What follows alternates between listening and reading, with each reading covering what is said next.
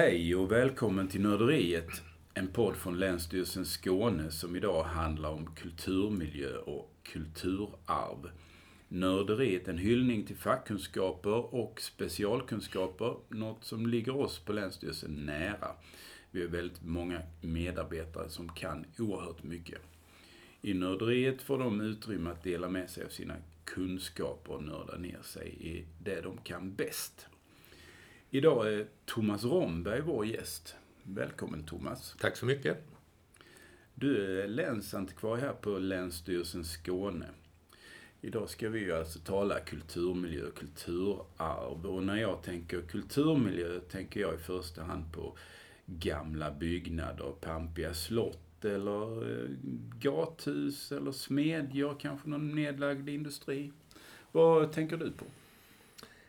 Mm, I viss mån tänker jag såklart på samma saker som du tänker på, men, men bara för att få in det här på något sätt i sitt sammanhang så eh, de här begreppen som vi arbetar med och som vi rör oss eh, inom, de har ju utvecklats under eh, åren och eh, när jag började på ja, 1970-talet så pratade vi om, om kulturminnesvård. Man vårdade minnena och minnena var då eh, runstenen, gravfältet, kyrkan, eh, byggnadsminnet, alltså de som, som man kallade för objekten. Mm. Vi försöker undvika sådana där uttryck, men, men, eh, men sen med, med eh, vad ska säga, den framväxande miljörörelsen så eh, tog kulturminnesvårdarna tag i detta också. Då, då började man använda begreppet kulturmiljö. Eh, och då vidgade man så att säga. Man, man tittade förutom på de här objekten, alltså stenarna. Tittade bortom rullstenen? Precis, man tittar vidare. Så man, om man tar ett exempel, den skånska byn, så eh, finns där sannolikt en medeltida kyrka och där finns sannolikt kvar ett par gårdar som är från tiden före skiftet. Eh, det finns ett kulturlandskap utanför och eh, kulturmiljövården sysslade då mer med och började arbeta mer med de hela miljöerna. Eh, man fick in begreppen riksintresse, riksintresse för kulturmiljövård och riksintresse för en massa annat. Eh, sen har man då eh, nu under bara de senaste åren infört, kan man säga, begreppet kulturarv. Eh, och då kan man väl säga att man förutom då eh, miljöerna så alltså laddar man det också med, med eh, och det är ytterligare ett sånt där begrepp, immateriella värden. Alltså berättelser, människornas berättelser. andra företeelser som, som, som är kopplade till. Och jag kan läsa upp lite kort bara de här två rader vad vi menar, vad vi kallar... Ja, men det är väl lika bra att vi klarar av ja, definitionerna precis, vi klarar först så vi vet vad vi pratar om. Och då, då, finns inte kulturminnesvård. Kulturminne finns liksom inte längre. Det är helt överspelat. Men kulturmiljö, där säger, eh, och det här läser jag från Riksantikvarieämbetets hemsida, avser hela den av människor påverkade miljön, det vill säga som i varierande grad präglat av olika mänskliga verksamheter och aktiviteter.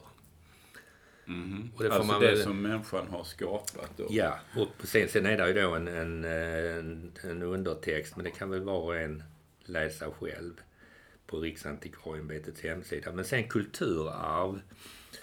Eh, då är det alla materiella och immateriella uttryck, inom parentes, spår, lämningar, föremål, konstruktioner, miljöer, system, strukturer, verksamheter, traditioner, namnskick, kunskaper etc.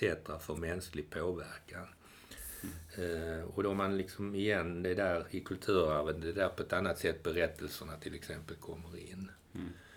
Uh, kan det vara så här att, vi, eh, att begreppet kulturmiljö du jobbar ju på kulturmiljöenheten, mm. men att det begreppet kommer att fasas ut till förmån för kulturarv.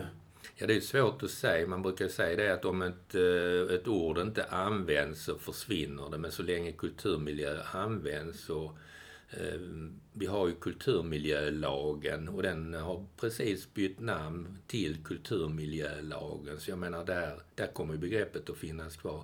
Nej, så man får nog arbeta med, eh, eller eh, så, med båda begreppen. Och sen kanske det inte spelar så himla stor roll om man sysslar med kulturmiljöarbete eller kulturarvsarbete. Det är kanske mer en är intressant för de som jobbar i branschen. Mm. Ja, då kan vi använda båda ja, begreppen utan här idag. Att, utan att blinka. Ja. ja, precis.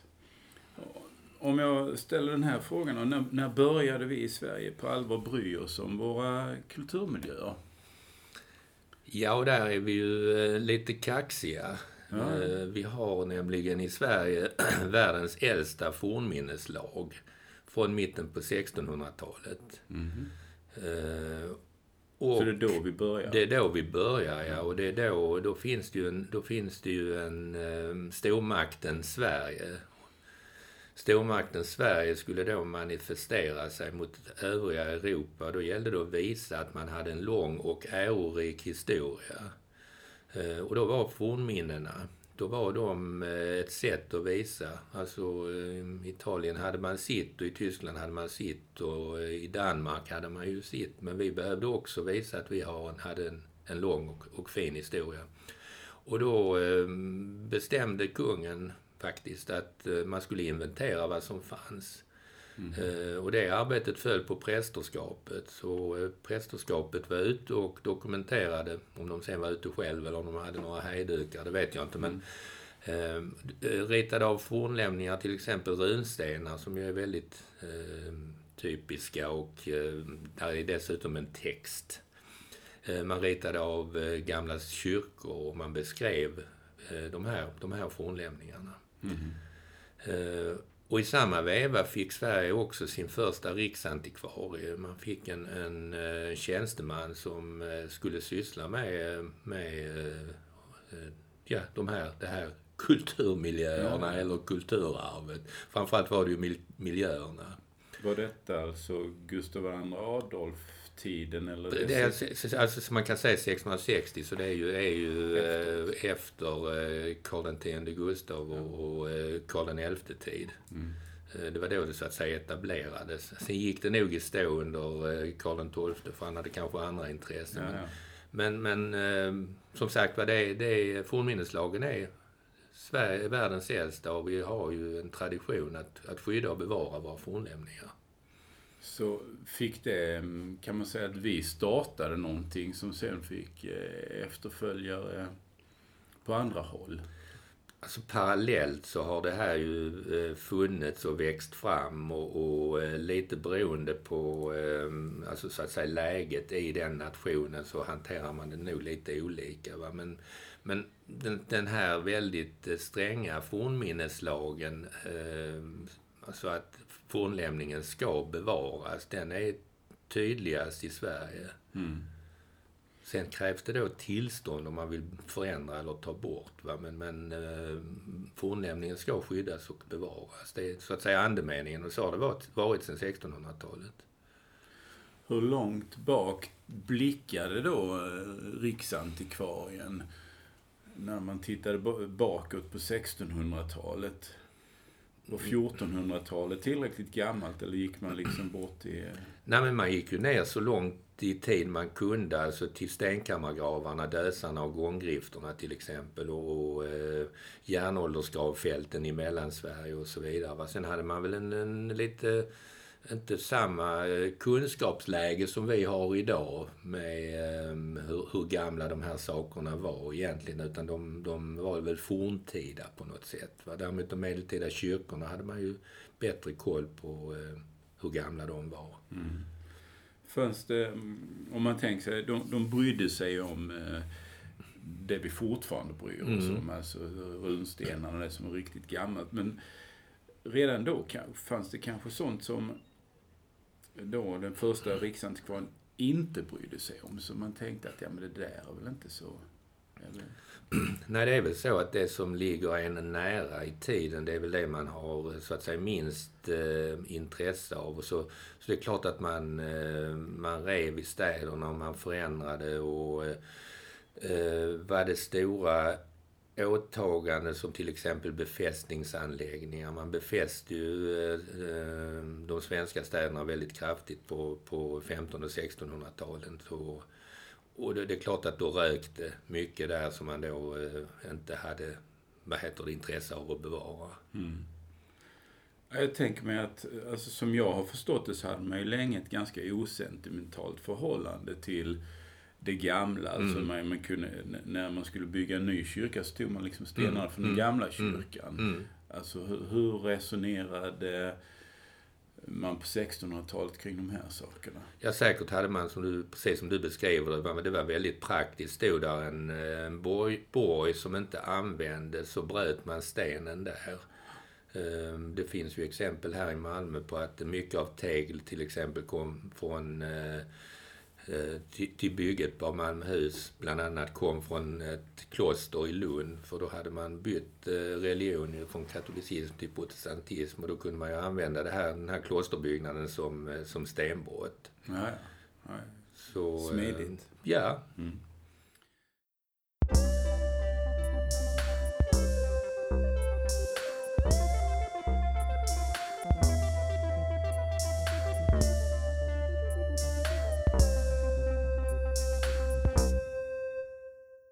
Vi tänker på kulturmiljöer så är det på något eh, som är värt att bevara. Alltså som ska få leva kvar mm. i evighet då. Eh, men egentligen så finns det väl mode också när det gäller kulturmiljöer? Ja, det kan man ju säga när jag eh, började så var ju 1800-talet var ju ingen höjdare. Alltså de här eh, högreståndsmiljöerna, de stora våningarna och 1800-talsbyggnaderna. Det var inte precis det man, man satsade på utan då, satsade man, var, intresserade man sig mer för det, för det småskaliga. I städerna var det då eh, korsvirkesgårdarna man intresserade sig för och då var de ju eh, rivningshotade och då var det de man fokuserade på. Mm. Så visst, det eh, det finns eh, väl beskrivet så att säga trender och eh, trender i, i kulturmiljöarbetet. Alltså vissa perioder har man sysslat med, med medeltiden, då var det medeltidsromantik. Sen har 1700-talet varit väldigt eh, eh, hett. Mm. Eh, sen återkom ju 1800-talet på eh, med liksom 80-90-tal. Då blev det plötsligt 1880, eller 1980-90-tal. Då blev det plötsligt 1800-talet intressant igen. Så. Och vad är modernt just nu då? Ja, vad är modernt just nu? Alltså det som, som på något sätt eh, riskerar att försvinna, det är ju intressant. Va? Och då är ju in, industrialismen, alltså eh, industriminnesvård, mm. industrimiljövård industriarv. Man kan använda alla begreppen. Ja. Det är intressant och, och ehm, det är ju, där, där har varit och där är mycket fokus på det. Okay. Till exempel, det finns massor med andra exempel. Va? Men, men om vi då ska bara liksom spetsa till det ytterligare så eh, vad vi jobbar med nu och det beror på eh, att eh, den här, den så kallade småskaliga eh, elproduktionen eh, är satt under lupp. Där finns ett EU-direktiv på att eh, den här småskaliga elproduktionen i alltså den vatten, vattenburna, mm. att den ska plockas bort för den innebär väldigt mycket skada på, på fisket. Alltså, alltså på EU-nivå? Precis, det, EU, det finns ett EU-direktiv där som, ja. som Sverige har, har eh, givetvis eh, skrivit under och, och arbetar med. Och det innebär att det finns ett ganska stort, eller ett mycket stort antal små kraftverk som producerar el. Eh, och de har i många fall höga kulturhistoriska värden. Eh, och där har vi i Skåne ett dåligt kunskapsläge. Men eh, då är ju fördelen med att jobba på en länsstyrelse så där kan kulturmiljö och vattenenheterna kan samverka kring det här. Så vi har genomfört och arbetar med, med projekt där för att eh, det här slutar då med en mark och miljödomstolsförhandling och då eh, ska de kulturhistoriska värdena finnas med i, i den bedömningen som så småningom eh, mark och miljödomstolen gör. Men alltså andemeningen är att eh, idén med hela det här är för att få en bättre vattenkvalitet och få för att få bättre fiskvägar så ska de här turbinerna plockas bort. Och då talar vi liksom om gamla vattenmöllor Ja, från... precis. Eh, alltså de, de kan ju vara ganska gamla Ja, här i Skåne. ja, alltså, absolut. Hur gamla då? Ja, de, alltså, de, man, kan, man kan ju i bästa fall eh, föra ner dem till 1500-tal kanske. Sen Ja. är det säkert så att de är ombyggda och så vidare. Va? Så, nej, så det, det, det som händer då det är ju att eh, man måste plocka bort eh, det som är hinder för fisken och då kan man ju säga då ryker det kulturhistoriska värden. Kulturmiljöer som vi tidigare kanske har ansett ha en stor betydelse. eh, Som, som kanske inte längre har det. Finns det några sådana exempel? Nej, alltså vi är ju bra på att addera men vi, är ju inte, vi, vi, vi tar inte bort väldigt mycket egentligen. Utan det som, det som tas bort det är ju de fornlämningar som försvinner i samband med exploatering.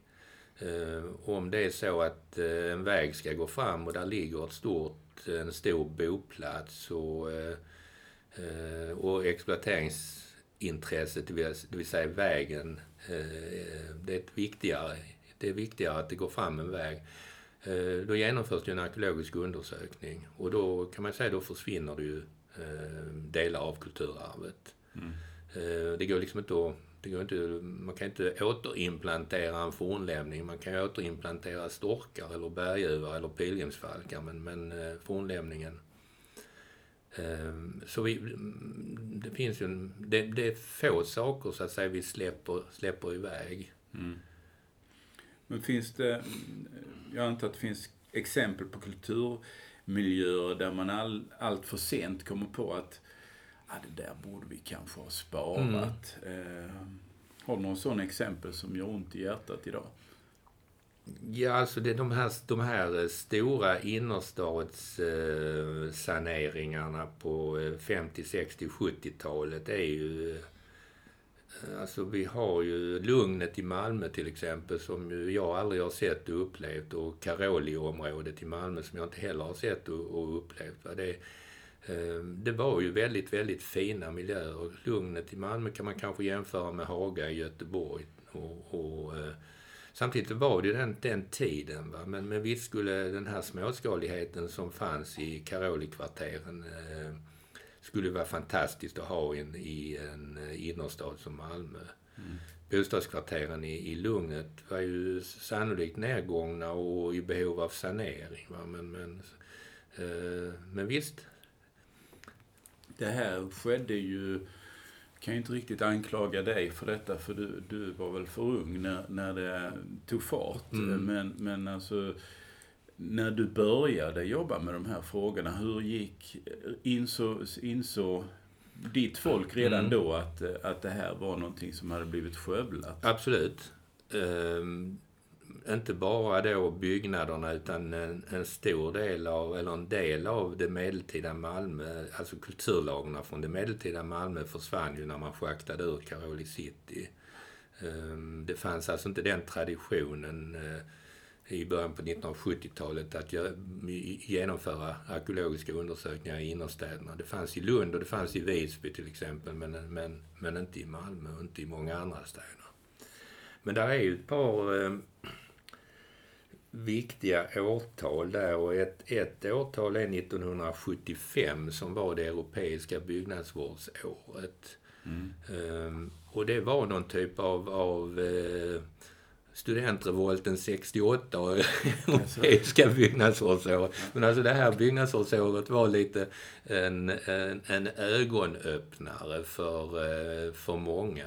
Det var eh, det blev en, en intensiv kampanj i, i Sverige också kring det här och eh, på den tiden kulturminnesvårdarna samlade sig och eh, man fick med arkitekter, man fick med politiker. Så det är väldigt eh, betydelsefullt för det blev ett, eh, visst heter det paradigmskifte? Ja, just det. Ja, Mm. precis. Mm. Och det var då också lite det tog fart det här med, med de traditionella materialen och metoderna. Man började använda kalkbruk igen som eh, man använder när man, när man, som man använde under medeltiden och långt fram va, till, till eh, egentligen tiden till för andra världskriget.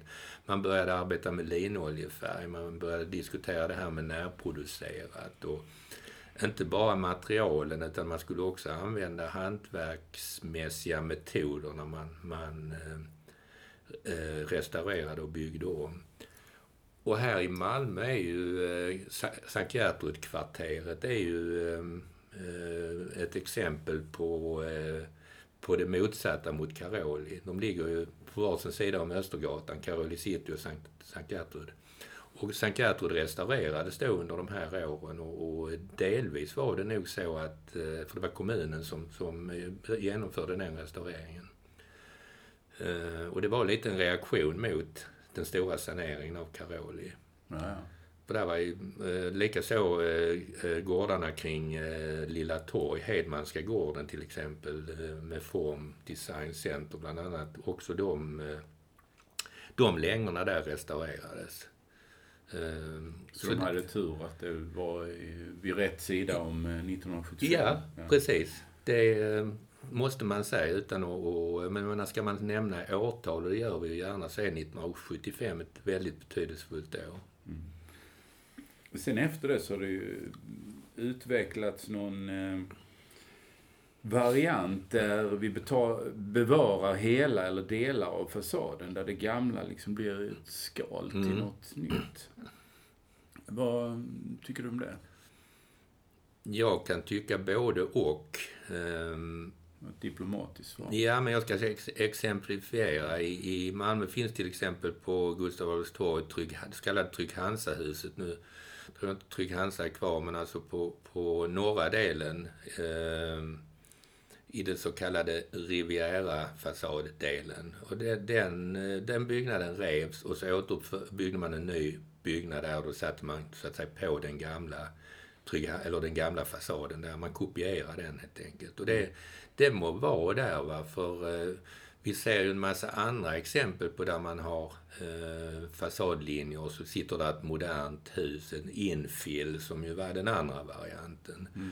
Så jag kan tycka att i rätt läge kan det vara Eh, kan det vara befogat. Men, men eh, det kan inte vara både antingen eller, utan det ska helst vara både och. Mm. Eh, däremot har vi ju avvecklat ett par, tre sådana här fasader som byggnadsminnen. Det finns Televerkshus i Lund där Juridikum nu håller till.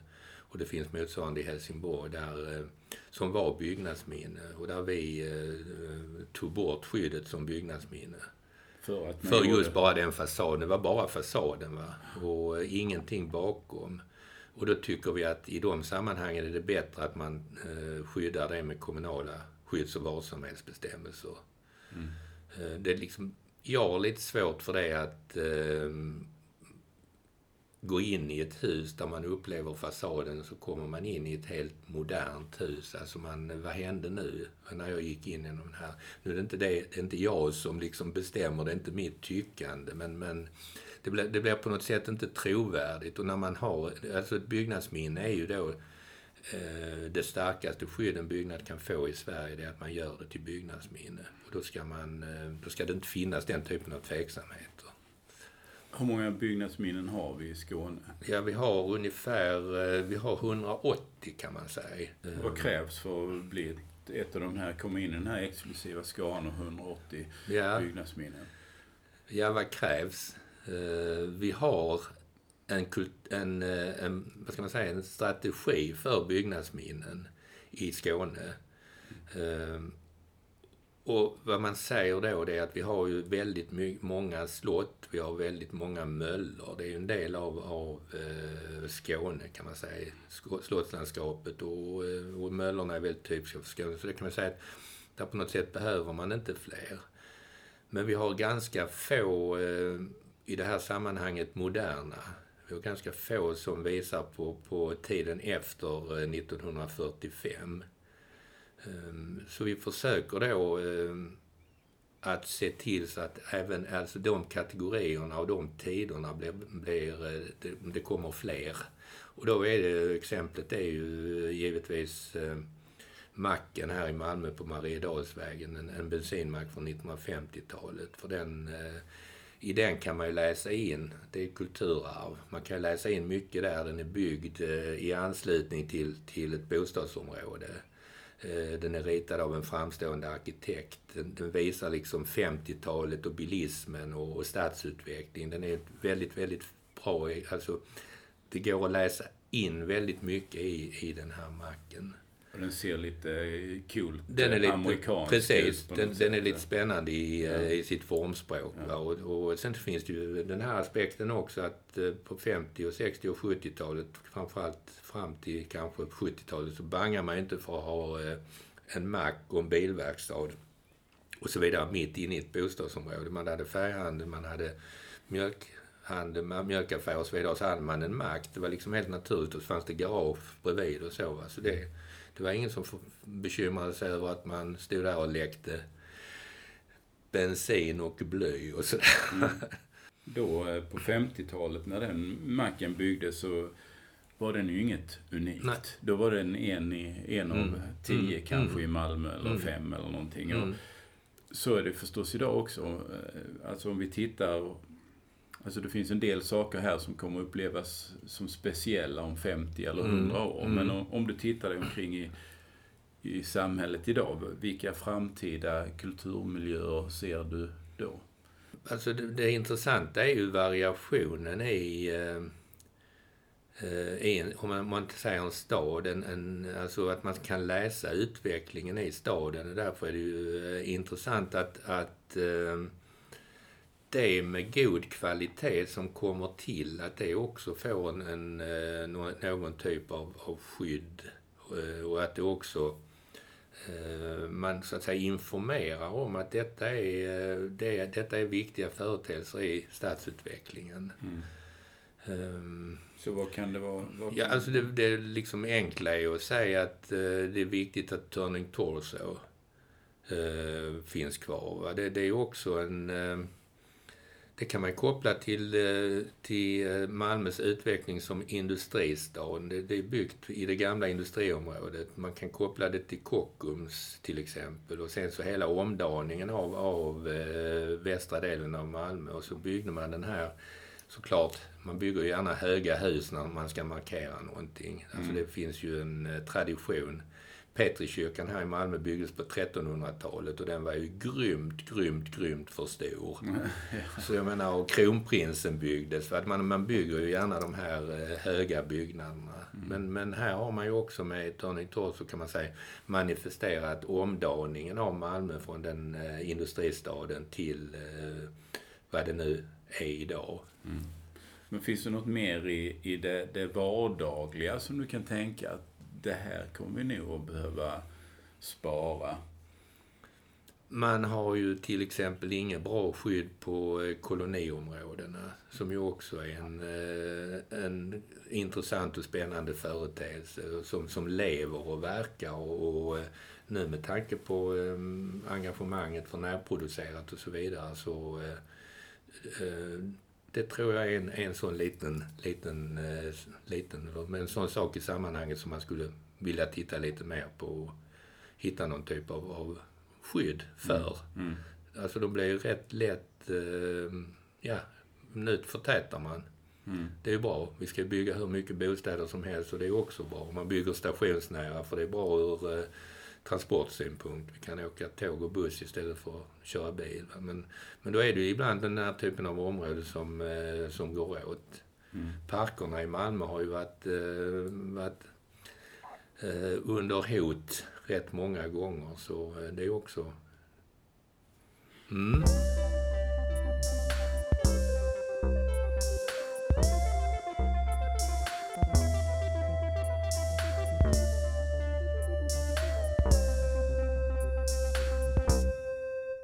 Var inne på det mm, skånska här, du talade om eh, slott och möllor. Vilka, vilka andra specifikt skånska kulturmiljöer mm. har vi?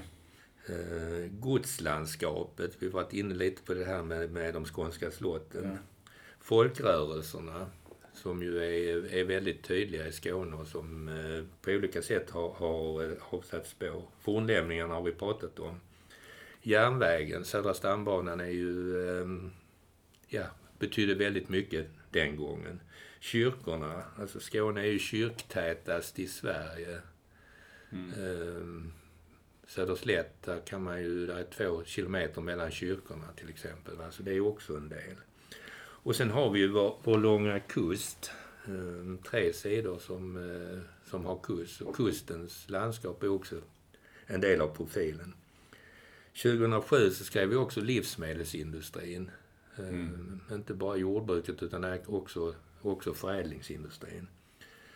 Eh, Och så skifteslandskapet. Eh, Enskiftet i början på 1800-talet med MacLean och Svaneholm. Det är också väldigt, väldigt tydligt. Skåne var ju först när det gällde att skifta den medeltida strukturen.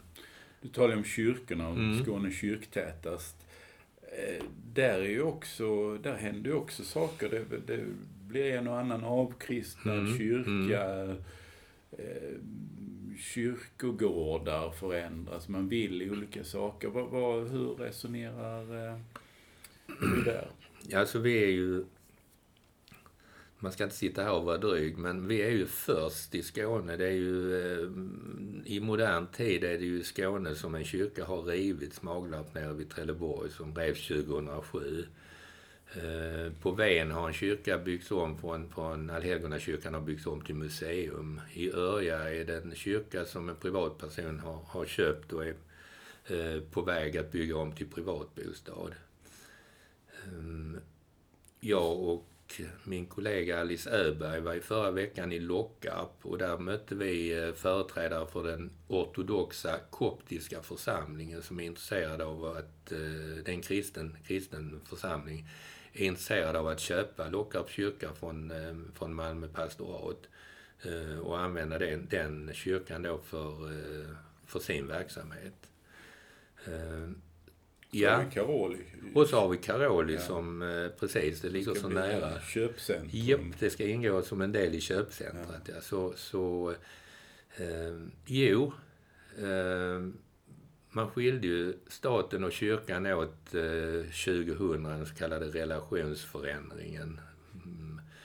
Det var väl ingen som riktigt kunde ana då vad som skulle komma att hända. Och, och eh, man så Svenska kyrkan tappar ju medlemmar, men, men eh, Eh, Man använder kyrkorna på annat sätt. Va? Så, så det är en stor förändring, men... men eh, Karoli. Mm. Alltså vad, vad, hur mycket man får eh, förändra den Mm, kyrkan mm. för... eh, Kan du förklara den eh, problematiken? ja, de kyrkobyggnader, kyrkor, kyrkogårdar och begravningsplatser som eh, Svenska kyrkan ägde och förvaltade 2000, de har då skydd enligt fjärde kapitlet kulturmiljölagen. Eh, och om man säljer, avkristnar och sen säljer en kyrka så följer skyddet med. Vilket ju är en utmaning om man ska bygga om eh, kyrkan i Örja till privatbostad så eh, eh, Ska man man, ändå tänka Ja, på den så- här så- så fina gäller det, det vi ska eh, skriva. Ja, nej, men precis. Vi ska skriva beslut. Va? Och då får man ju vara lite praktisk i sin handläggning och inse att eh, den som eh, ska bygga om den till bostad eh, behöver inte vissa saker där. Och då, har, då får man kanske sätta fokus på exteriören, på det utvändiga. Och inse att kyrkan i Örja är betydelsefull för den som åker fram och tillbaka på motorvägen till exempel och ser att här ligger en kyrkbyggnad. Och Örja ligger var då? Ligger precis, precis, ligger precis öster om Landskrona. Öster om motorvägen, omedelbart öster om mot- motorvägen. Men den ligger då i sin bymiljö och Örja by finns fortfarande kvar till stora delar. Va? Och där finns en bebyggelse. Så där har man så att säga kyrkan mitt i byn och då är det kanske det som är, är eh, bäraren och det är det som är en del av det kulturarvet. För, alltså, skånsk, är det någon skillnad mellan skånska kulturmiljöer och skånskt kulturarv? Om vi vidgar det begreppet, vad får vi in i det skånska kulturarvet? Alltså det där är lite eh, minerad mark nu att prata om, eh, om skånskt kulturarv. Där är vi ju... eh, vi är lite oroliga där för att vi ska säga fel och att vi liksom ska trilla över på fel sida, om, om, eh, om man får säga så. De, de krafter i samhället som utnyttjar begreppen kulturarv och det skånska och det svenska och så vidare. Va? Så, så, Då tänker du på mer nationalistisk... Eh, Ja, na- be- naturligtvis. Alltså att Alltså, så, ja. Precis, att Ja. man använder, an- använder det för att utesluta. Om, eh, utesluta personer, företeelser, traditioner och så vidare. Det, detta är inte skånskt, detta är inte en del av det skånska kulturarvet. Vi ser det ju om det omvända. Alltså vi vill ju använda begreppen eh, inkluderande. Att eh, det nya som kommer till blir också en del av det skånska eller det svenska kulturarvet. Och den stora frågan är, finns det ett skånskt eller ett svenskt överhuvudtaget? Va? Det, det är, om man tänker sig att man istället för att gräva ut en fornlämning, en stenåldersboplats från, eh, från eh, 3000 före Kristus, så gräver man ut ett, en, eh, en romsk lägerplats. Mm. Eh, och där är ett Från väldigt 40-talet eller Precis, 20-talet. precis. och där är ett väldigt... Eh, en, som en koppling till det så har eh, eh, Regionmuseet Kristianstad tillsammans med den romska föreningen i, i Malmö startat ett eh, projekt just kring romska lägerplatser i, i östra Skåne. Eh, och då handlar det, då handlar det om 1950-1960-tal. Eh, identifiera dem, eh, markera dem på något sätt och, och eh, ja, levandegöra och tydliggöra det. Och det är så att säga ett, det är ett färskt och aktuellt och väldigt spännande exempel på, på det tysta kulturarvet. Dessutom handlar det inte bara om romerna där, utan det handlar också om de människor som fanns i, eh, i samhället eh, där de här lägerplatserna fanns. Och de människorna finns ju i många fall, lever idag. Och man kan, man kan prata med dem och så vidare. Och just att det sker i samverkan med, med eh, den romska föreningen gör ju att det här blir mycket mer slagkraftigt. Eh, jag tänkte vi skulle avsluta lite grann med, med att du ska få, få blicka framåt också. Alltså jag, jag är född på 60-talet och när jag var barn så förknippas ju Skåne med det gamla jordbrukslandskapet. Det var Kalle på Spången, det var bilder på storkar och hamnade pilträd. Det var liksom den bilden av kulturarvet som lyftes fram och i någon mån är det väl så fortfarande för min generation och äldre. Vi, vi liksom kan ju identifiera, ser man en stork så tänker man kanske på Skåne. Mm. Men så är det ju inte för mina barn som är födda på 90-talet. De har liksom inte matats med de bilderna på det viset. Eh, Vilken är den nya bilden av Skåne som växer fram? Alltså jag tror att eh, det är mångfalden, alltså i mångfalden i ett, eh, det väldigt, eh, dess väldigt eh, vida beskrivning. Eh, också skillnaderna eh, som ju är väldigt tydliga i, i Skåne med det extremt expansiva västra Skåne och eh, norra och nordöstra Skåne som, som eh, ja, de kommer, de, alltså det är inte avfolkning eller avveckling och så vidare, men det är ju ändå en väldig skillnad mellan, eh, mellan landskapets olika delar. Eh, men sen är det väl också, eh, ja alltså mångfalden tror jag är det som, som, eh, som är tydligare nu än, än vad det var tidigare, än, än vad det var kanske på, på eh, 60 och 70-talet. Alltså människorna är med, eller våra, våra ehm, vi är mer medvetna om, om det här nu. Eh, Men sen är det väl så att bilden, eh, den här hur det förändrats, alltså det är ju rätt trögt såklart. Va? Mm. Det, det, vi har väl fortfarande en uppfattning, om vi nu har, beroende på när vi är födda ungefär, hur Skåne egentligen är och var och det är kopplat mycket till, till, till det vi själva har som, som minnesbilder. Mm. Vi har ett, ehm, ett intressant exempel nu som vi precis har avgjort. Eh, På 60-talet eh, fanns det en präst som hette Fader Gunnar som var medialt väldigt stor Från Osby? från. Osby. ja. Och Fader Gunnar byggde ett, eh, en kyrka i Kristianstad som heter Gratia Dei. Ehm, den, den kyrkan, eh, som då inte är en kyrka, för den är inte invigd som kyrka, men, men eh, den är kopplad då till, till Fader Gunnars församling, den eh, väckte man frågan om att göra byggnadsminne av. Mm. som den, den, ehm, den som, ja, det var församlingen själv som väckte frågan. Och det där har vi brottats med. Ehm, den är på något sätt en främmande fågel. Den är varken kyrka eller, eh, utan det är, det är någonting annat. Men man har en kyrklig verksamhet och där finns en församling. Men den är som sagt aldrig invigd. Och det är också lite knepigt för det var trots allt så att det var biskopen Martin Lindström som invigde den en gång. Mm. Men fader Gunnar är ju ingen stor person nu i, i, i Skåne. Alltså det är ju vi minns honom. Va? Jag minns ju honom eftersom jag är från nordöstra Skåne. Precis, så, men våra barn eh, minns honom ju inte. Va? Och, och eh, han var ju en medial fullträff den gången. Han fanns med i Hylands hörna eh, och Lasse Holmqvist intervjuade honom och så vidare. Men det var ju väldigt kopplat till hans person.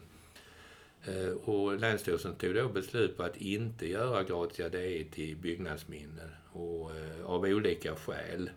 Inte för att på något sätt förringa hans insats utan, utan eh, det han gjorde var ju fantastiskt. Han lyckades skrapa ihop pengar till att bygga den här, den här fantastiska byggnaden med, med Peter Celsing som arkitekt och så vidare. Men, men som byggnadsminne kan vi inte... Alltså det, det är ingen bra, inget, inget bra sätt att skydda den utan det är, det är någonting mellan, mellan, eh, ligger mellan kyrka och byggnadsminne. Så därför tycker vi att eh, det är mycket bättre att man tar ett kommunalt eh, skydd på den. Nu vet jag inte om det var riktigt det du frågar om, men jag kan liksom inte låta bli utan att, att ehm, när, man, om man, om man, när man får lite perspektiv på saker och ting. Eh, och det är kanske samma med Turning Torso. Den kanske, när den kom så tyckte man att den här är spännande. Den är, det är en spännande byggnad, det är en, det är en fantastisk arkitekt som har ritat den. Visst skulle man kunna göra den till byggnadsminne, men, men det kanske är så att när man får perspektiv på den så kanske det inte är den, det, det är inte så det ska vara. Mm. Uh, fortfarande är det nog inte svar på din fråga, men jag, men jag kan inte låta bli utan att, att exemplifiera det här med, med uh, uh, allting behöver på något sätt ett, alltså det kanske är så att macken på uh, Mariedalsvägen som har funnits där i 50-60 år, att då är, det, då är den mogen för att göra till byggnadsminne. Men eh, Gratia Dei som har funnits lika länge, då, då, då, upptäcker man att den, den är inte, det, är inget, det är inte, blir inget bra byggnadsminne. Mm. Thomas, eh, jag tackar dig så mycket. Tack själv. Spännande ja. att vara med i poddradio. Ja, det har varit spännande att ha det här. Eh, Tack alla ni som eh, har lyssnat på det här. Vi återkommer om några veckor med en ny podd. Hej hej!